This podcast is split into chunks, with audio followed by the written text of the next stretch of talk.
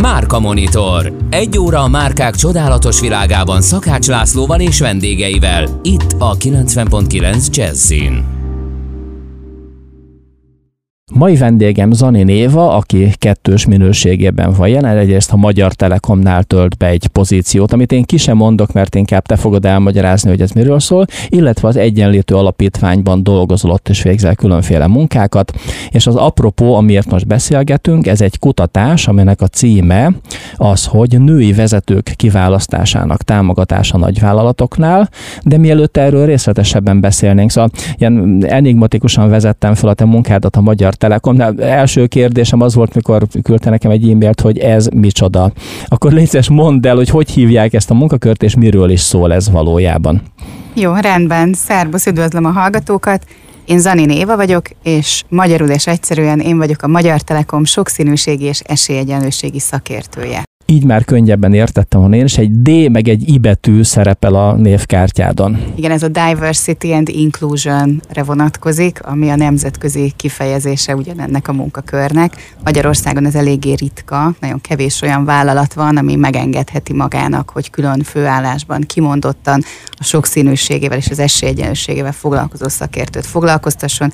Szerencsénkre a Telekom pont egy ilyen vállalat korábban a fenntarthatósággal, a vállalati fenntarthatóság kérdéssel foglalkoztál. Ugye, ha nem tévedek nagyot, a mostani munkaköröd azért, hogy szegről végről része a fenntarthatóság nagyobb halmazának.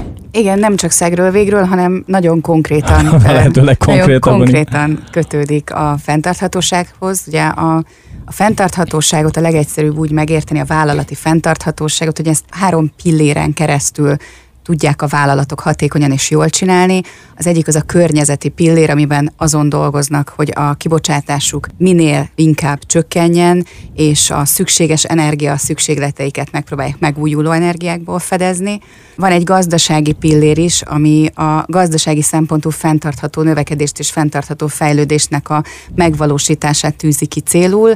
Tulajdonképpen kizsákmányolás nélküli nyerességszerzésnek lehetne legegyszerűbben lefordítani, és a társadalmi szempontú fenntarthatóság az, amihez a sokszínűség és az esélyegyenlőség leginkább kötődik.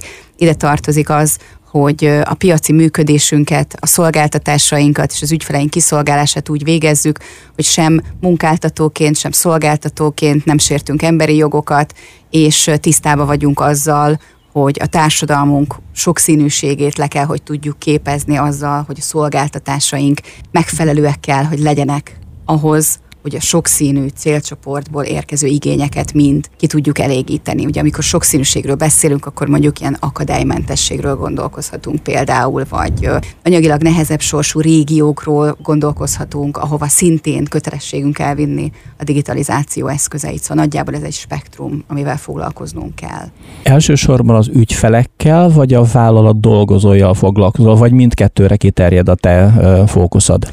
Az én munkám mind a kettőre kiterjed. Ez a spektrum szó, ezt lehet, hogy még sokszor fogom használni, mert nagyon-nagyon jól leírja azt, hogy, hogy ez a munkakör mi mindenre van hatással. Tulajdonképpen úgy kell elképzelni, mint egy stratégiai tanácsadó és olykor végrehajtó területet. Nagyjából az én feladatom az, hogy az ebbe a spektrumba tartozó ügyféligényeket, amelyek nálunk munkatársi igények is, hiszen a munkatársak is valahol az ügyfeleink, ugye a belső ügyfeleink. Ezeket az igényeket feltérképezzük, megismerjük, és a, a legjobb kiszolgálásukat előmozdító tudás megszerzésével finom hangoljuk azokat az eszközöket, amelyekkel a szolgáltatásainkban jobbak tudunk lenni, és amelyikben munkáltatóként jobbak tudunk, jobbak és befogadóbbak tudunk lenni. Tehát mindezeket mindezekkel foglalkoznak. Tehát ez az a munka, amit a megélhetésedért csinálsz, meg nyilván meggyőződésből is, viszont említettünk egy másik feladatkört, meg említettem az Egyenlítő Alapítvány nevét, ahol tevékenykedsz. Pár szót azért szóljál erről az alapítványról is. Jó. Az Egyenlítő Alapítványt Hiledina hozta létre, több más társával együtt néhány évvel ezelőtt, és az alapítvány tagjai között van például a Magyar Telekom is. A Magyar Telekom humán erőforrás vezérigazgató helyettese például az Egyenlítő Kuratóriumának is a tagja.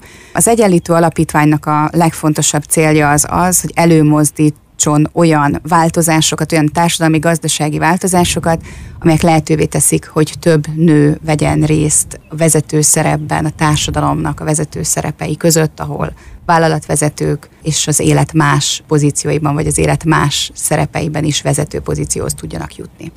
Köszönöm, eddig minden érthető, akkor most hallgassunk zenét, és akkor folytassuk innen. Márka Monitor. Mindenkinek, aki márkákkal, márkákból él. Ez a 90.9 Jazzy Rádió, és benne a Márka Monitor. Mai vendégem Zani Néva, aki a Magyar Telekomnál dolgozik, és az Egyenlető Alapítványban vett részt egy kutatás előkészítésében, lebonyolításában, amiről most szeretnénk beszélgetni. Az előbb már elmondtam a kutatás címét, női vezetők kiválasztásának támogatása nagyvállalatoknál, szép hosszú. Nyilván azért csináltatok egy ilyen kutatást, mert volt valamilyen probléma, probléma akkor előtt, amivel kapcsolatban volt álláspontotok, netán valamilyen változtatás változtatni is akartok. Helyzetkép. Hogy néz ki a női vezetők szempontjából az esélyegyenlőség Magyarországon? Mi az, amit a korábbi állapotról vagy a jelenlegi állapotról szerinted fontos tudni és elmondani? Tulajdonképpen a kiinduló állapot és a jelen állapot nem sokban különbözik egymástól, és, és ez a rossz hír. És ez az, ami minket arra sarkalt, hogy, hogy érdekel, és szeretnénk jobban tudni azt, hogy hogyan lehet, ha megnézzük az Európai Unió statisztikai adatait, vagy megnézzük a magyar ö, oktatásra és munkahelyekre vonatkozó statisztikai adatokat, akkor azt látjuk, hogy a nők nagyobb arányban végeznek magasabb szinten felsőoktatásban, tehát magasabb arányban szereznek magasabb szintű diplomákat, és alapvetően a tanulmányi versenyekben is több díjat visznek el arányaiban. Ugyanakkor végi, mégis a nagyvállalatok és a kis és középvállalatok vezetői pozícióiban elenyészően kicsi még mindig a nőknek az aránya. A nők foglalják el az világ össznépességének 50%-át, tehát logikus elvárás lenne az, hogy a vezetésben is, a vállalatvezetésben is legalább ilyen arányban vegyenek részt. Sajnos távolról sem ez a helyzet. Úgy látjuk, hogy Magyarországon sem érjük el a 40%-ot sem, tehát körülbelül 39,40%-on vagyunk a 2018-as adatok alapján, és ezt láttuk a V4-es országokban is, és kíváncsiak voltunk arra, hogy vajon nálunk vannak-e valamilyen olyan speciális, különleges mozgatórugók, olyan társadalmi hatások, vagy olyan kiválasztáson múló hatások, amelyeknek a feltérképezésével meg tudjuk vizsgálni, hogy miért nem kerülnek be nők vezető pozícióba, és esetleg tehetnek-e valamit a vállalatok, vagy a kiválasztásban szereplő egyéb aktorok ahhoz, hogy ez a tendencia változzon. Egy nagyon földhöz ragadt kérdésem van. Ugye Magyarországon és a V4-ek országaiban készült a kutatás. Egy ilyen kutatás nyilván rengeteg pénzbe kerül. Honnan szereztétek rá a pénzt? Kik álltak az ügy mellé? A V4-ek országaiban és Horvátországban zajlott ez a kutatás, és ilyenkor az egyenlítő alapítvány az alapítványtag vállalataihoz fordul általában támogatásért és segítségért. Nálunk a Magyar Telekomnál ez, ez nyitott fülekre talált, nagyon szívesen támogattuk ezt a kezdeményezést, és ugyanígy tettek partnereink a MOL csoport is, a Henkel Magyarország és az LHH is, úgyhogy ez a négy szervezet volt az tulajdonképpen, akik ennek a finanszírozási hátterét meg tudták teremteni, és lehetővé tudták tenni, hogy két korvinuszos kutató, dr. Nagy Beáta és dr. Primász Henriet elvégezze ezt a 45 interjúból álló kutatást szép nagy munka volt. A cím kapcsán lenne még egy, egy kérdés, hogy a női vezetők kiválasztásának támogatása nagyvállalatoknál a cím. Tehát nagyvállalatokról kutattatok, mértétek fel a, a helyzetet. A kis vállalatoknál minden rendben van, vagy arra még nem terjed ki most a kutatók figyelme? Vagy titeket a nagyvállalatok érdekeltek elsősorban? Minket most elsősorban a nagyvállalatok érdekeltek. Ez nem azt jelenti, hogy a kisvállalatoknál jobb a helyzet, azt jelenti, hogy más a helyzet abban az ökoszisztémában, ahol a kisvállalatok működnek, és a nagyvállalati feltérképezést, illetve a nagyvállalati kutatást az is inspirálja, hogy ha például megnézzük a nagyvállalatok kitettségét, a tőzsdei szerepvállalását, és azt a komplex értékelői bázist, aminek egy nagyvállalatnak meg kell felelni, akkor azt látjuk, hogy a nagyvállalatok felé ez a külső értékelőktől, a befektetői csoportoktól érkezik is, mint elvárás. Ez az egyik szempont, tehát van egy megfelelési szempont a nagyvállalatok előtt, és van számos olyan kutatás, nemzetközi kutatás, ami pedig azt bizonyítja, hogy a vezetési szempontból sokszínű vállalatok, sokkal innovatívabbak, és sokkal nagyobb innovációból származó bevételt tudnak elkönyvelni a homogénebb társaikkal szemben. Tehát az is a célunk volt, hogy hogyan tudjuk bemutatni ennek az értékeit, és validálni egy, egy helyi környezetben. Egyre kíváncsi vagyok magára a kutatásra, hiszen még csak az előkészítésnél tartunk, de mielőtt erre rátérnénk zenét, hallgatunk, és akkor innen folytatjuk.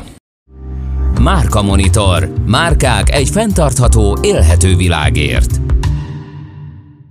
Ez a 90.9 Jazzy Rádió és benne a Márka Monitor. Mai vendégem Zani Néva, a Magyar Telekom sokszínűségi és esélyegyenlőségi szakértője, aki az Egyenlítő Alapítványnak egy kutatásáról beszél most. Szóval, mi is volt ez a kutatás, és melyek a legfontosabb megállapításai, amelyek kijöttek belőle?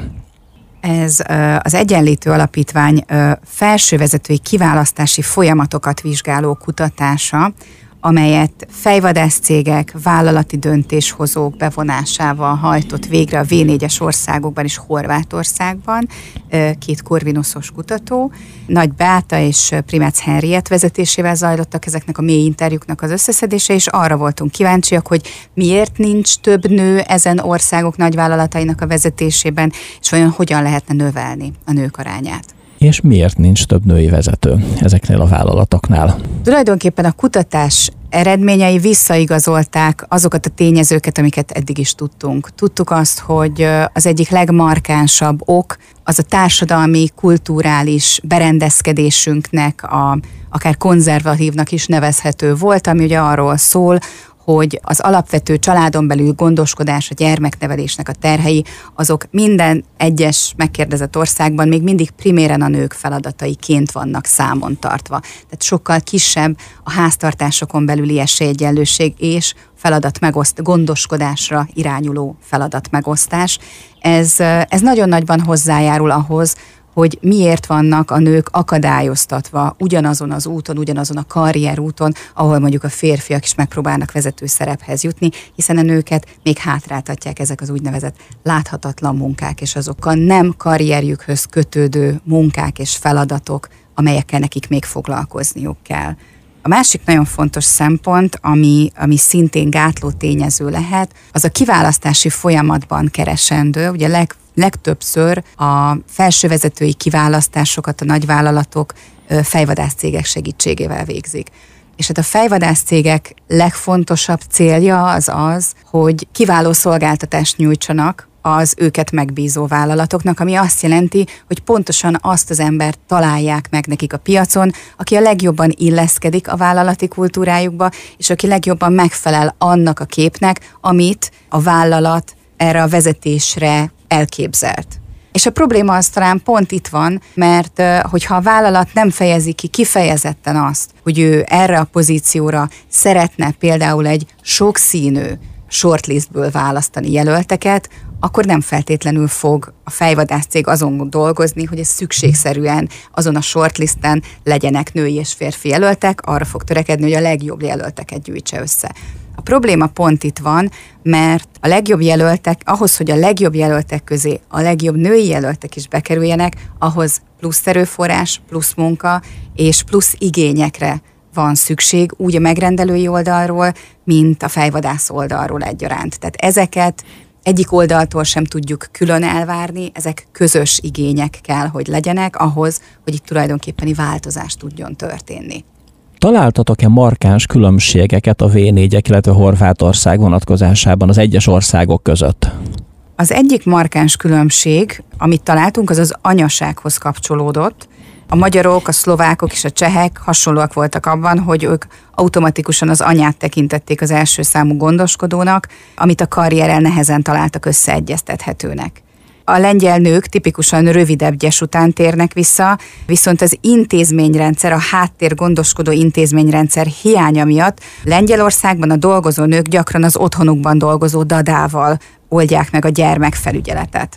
És Lengyelország esetében az is egyértelműen kirajzolódott, hogy a nagy globális cégek jelenléte és a munkaerőr folytatott erősebb verseny nagy befolyással volt a munkahelyek befogadóvá válásában. Tehát ez egy katalizátora volt annak, hogy sokszínűbbek legyenek.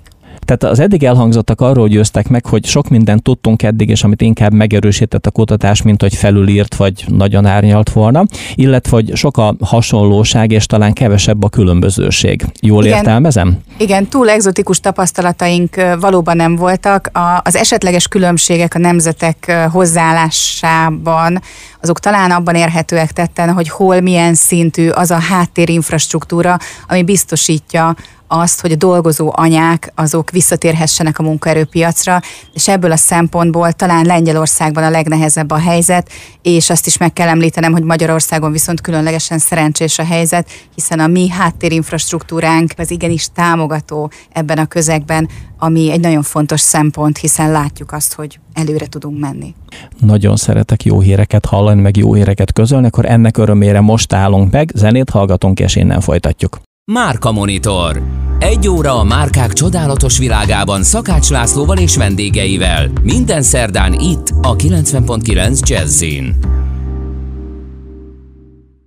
Ez a 90.9 Jazzy Rádió és benne a Márka Monitor. Mai vendégem Zani Néva, a Magyar Telekom sokszínűségi és esélyegyenlőségi szakértője, akivel az Egyenlítő Alapítvány friss kutatásáról beszélgetünk.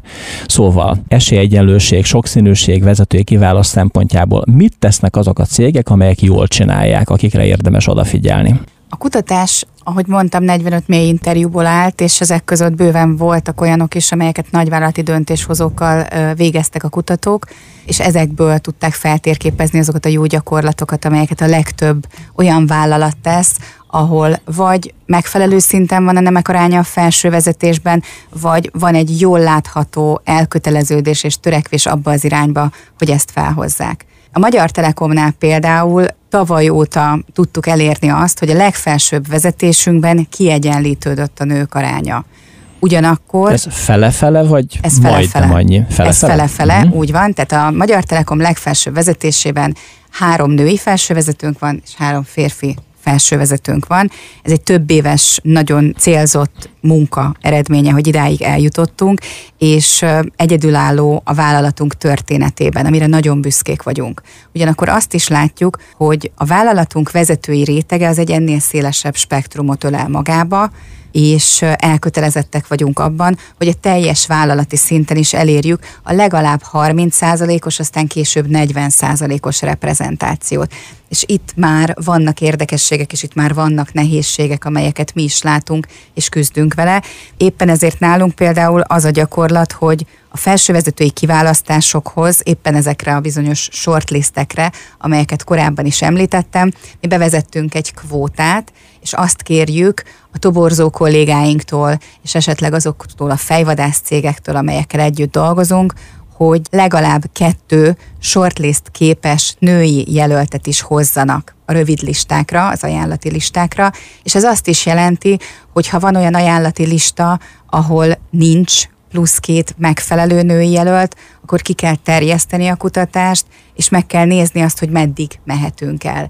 Ez a vállalattól is, és a fejvadász cégtől is egy bizonyos fokú kockázatvállalást ö, szükségeltet, hiszen itt arról is beszélünk, hogy nem feltétlenül találunk vezetőt pontosan abban a szektorban, azon szektorbeli tapasztalat alapján, de lehet, hogy a vezetői kvalitásai megfelelőek, amelyeket egy másik szektorban szerzett. Ilyenkor a fejvadász cégnek is, és a vállalatnak is mérlegelnie kell, hogy nyitott-e eléggé ahhoz, hogy a vállalat, hogy a vezetői kvalitása miatt behívja és meghallgassa és számításba vegye azt az adott jelöltet. Tehát ez nagyon fontos, hogy ezt kellő rugalmassággal tudja kezelni a vállalat, és ez mindig egyedi elbírálás, hogy meddig tud elmenni. Igen, ez érdekes kérdés, hogy mi volt először a tyúk vagy a tojás? Tehát ahhoz, hogy a fejvadász megfelelő jelölteket találjon, az az kell, hogy ezek a jelöltek valahol korábban már bizonyítsanak, bizonyítottak legyenek. Igen. Miközben megvolt a hátrány, tehát nem bizonyíthattak, mert hogy ennek akadályai voltak.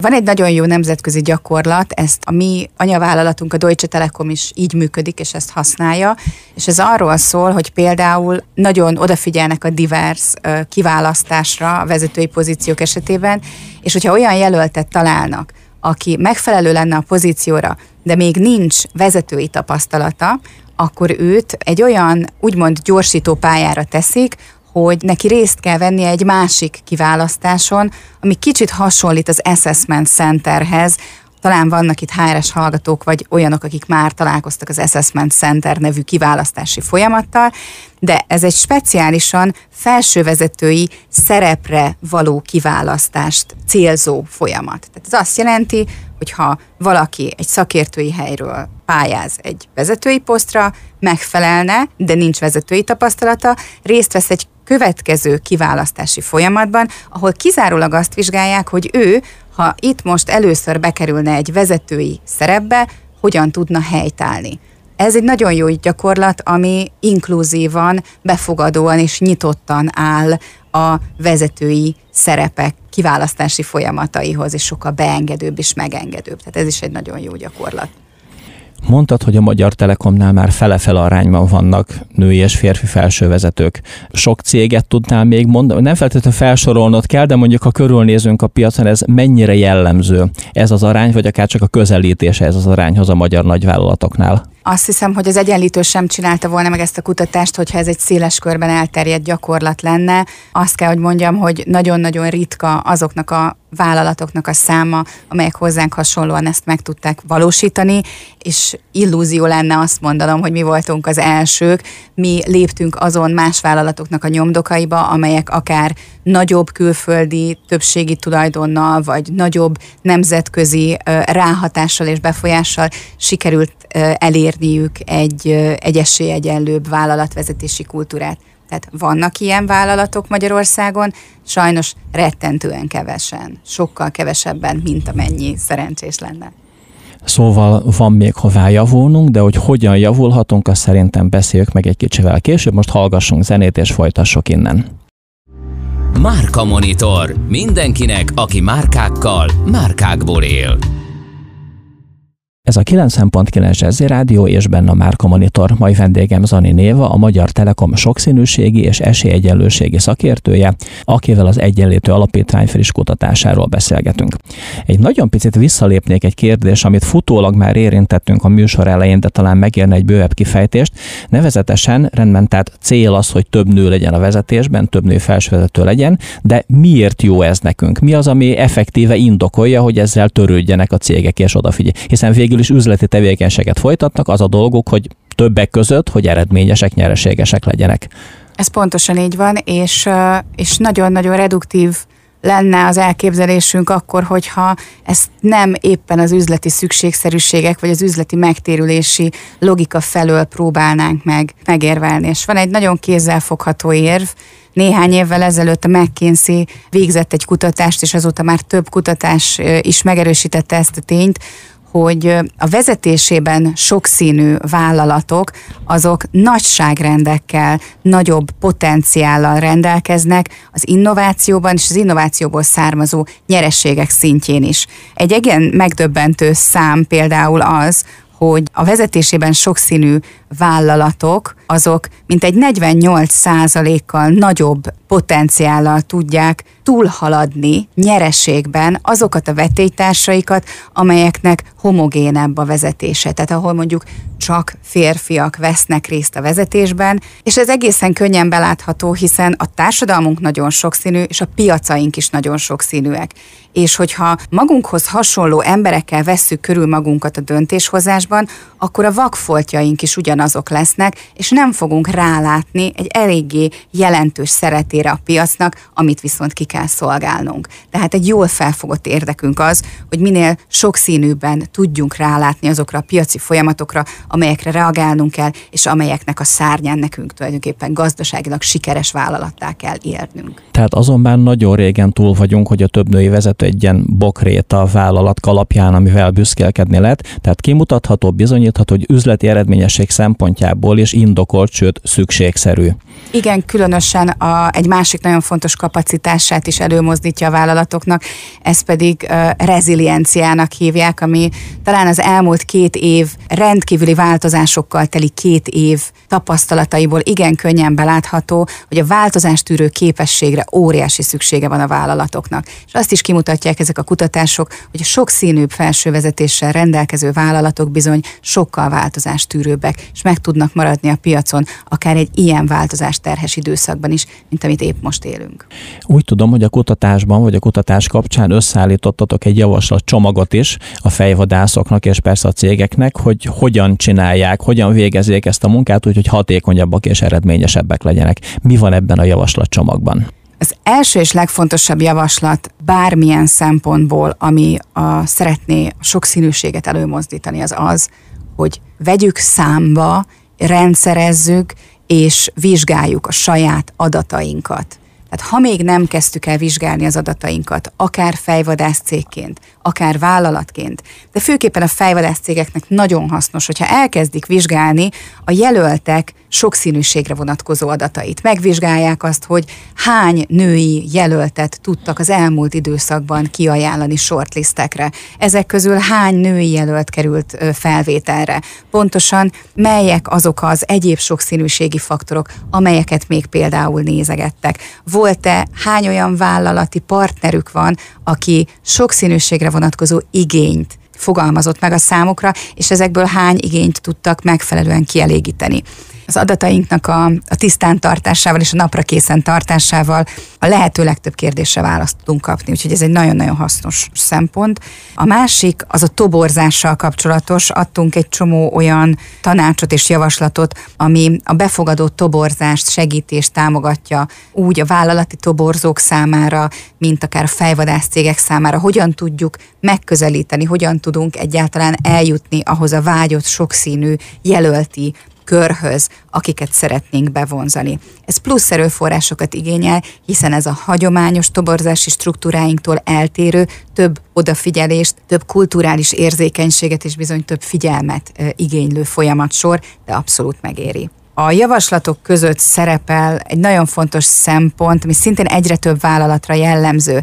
Ez pedig az, hogy ha a vállalat rendelkezik sokszínűségi gyakorlattal, sokszínűségi politikákkal és olyan belső irányelvekkel, amik lefektetik és meghatározzák a vállalat sokszínűségre és esélyegyenlőségre irányuló igényrendszerét, akkor ezek a belső politikák segíthetik a vállalatot is, és a fejvadász céget is abban, hogy az ezeknek megfelelő gyakorlat szerint járjon el. Nem minden vállalatnak van ilyenje, de érdemes, és meg, érdemes megfontolni, hogy, hogy, hogy rendelkezésre álljanak ilyen vállalati politikák is. Van egy utolsó, ami igen fontos dolog, nem azért került az utolsó helyre, mert lényegtelen lenne, ez pedig az oktatás, a képzés és a tudásszerzés Tudnék, az esélyegyenlőség legtöbbször nem a szándékaink miatt hasal el, hanem azért, mert a szándékaink ellenére is a nézőpontunk és a látókörünk szükségszerűen vakfoltokat tartalmaz, amelyekre nem, amelyekre nem látunk megfelelően rá.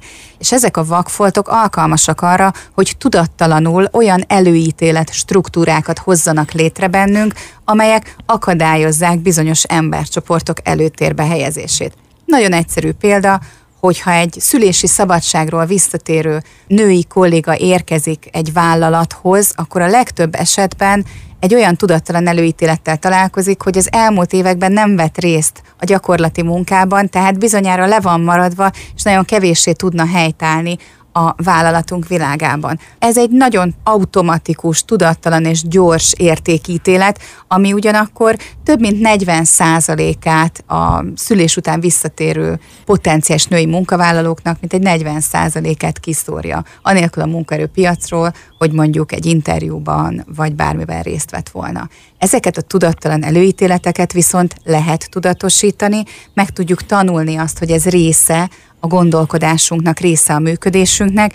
Például a Magyar Telekomban az elmúlt években óriási erőfe, erőfeszítéseket tettünk annak érdekében, hogy megismertessük ezt a gondolati struktúrát az emberekkel, a munkatársainkkal és a vezetőinkkel, és mivel nem volt még korábban magyar nyelven ingyenesen elérhető vállalati tananyag ebben a témában, ezért mi létrehoztunk egyet, és ezt mi ingyenesen elérhetővé is tettük, tehát ez mindenki, minden vállalat és minden magánszemély számára szabadon hozzáférhető tananyag, ami valóban megtanít arra, hogy a tudattalan előítéletek azok sajnos részei a gondolkodásunknak és a döntési mechanizmusainknak, és nem múlnak el attól, hogy tudunk a létezésükről, de kezelni tudjuk őket azzal, hogy kérdezünk, és azzal, hogy nem ítélünk elsőre nem múlnak el, de kezelni tudjuk őket. Nagyon fontos megállapítás, szerintem tökéletes végszó a mai beszélgetésünkhöz.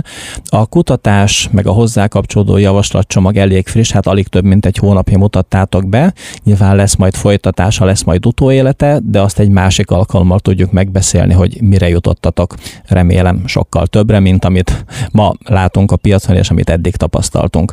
Viszont a műsoridőnk lejárt. Éva, nagyon köszönjük, hogy velünk voltál, és gyere máskor, és egy másik alkalommal tényleg beszéljük meg ezeket a dolgokat. Köszönöm szépen, sziasztok! Mára ez volt a Márka Monitor a 90.9 Jazzy Rádióban, de a jövő szerdán este 7 órakor ismét jelentkezünk. Most búcsúzik a műsorvezető, Szakás László, kérem ne búcsúzzanak a rádiótól. A Jazzy programja remek műsorokkal, jobbnál jobb zenékkel folytatódik. Jó estét, jó éjszakát!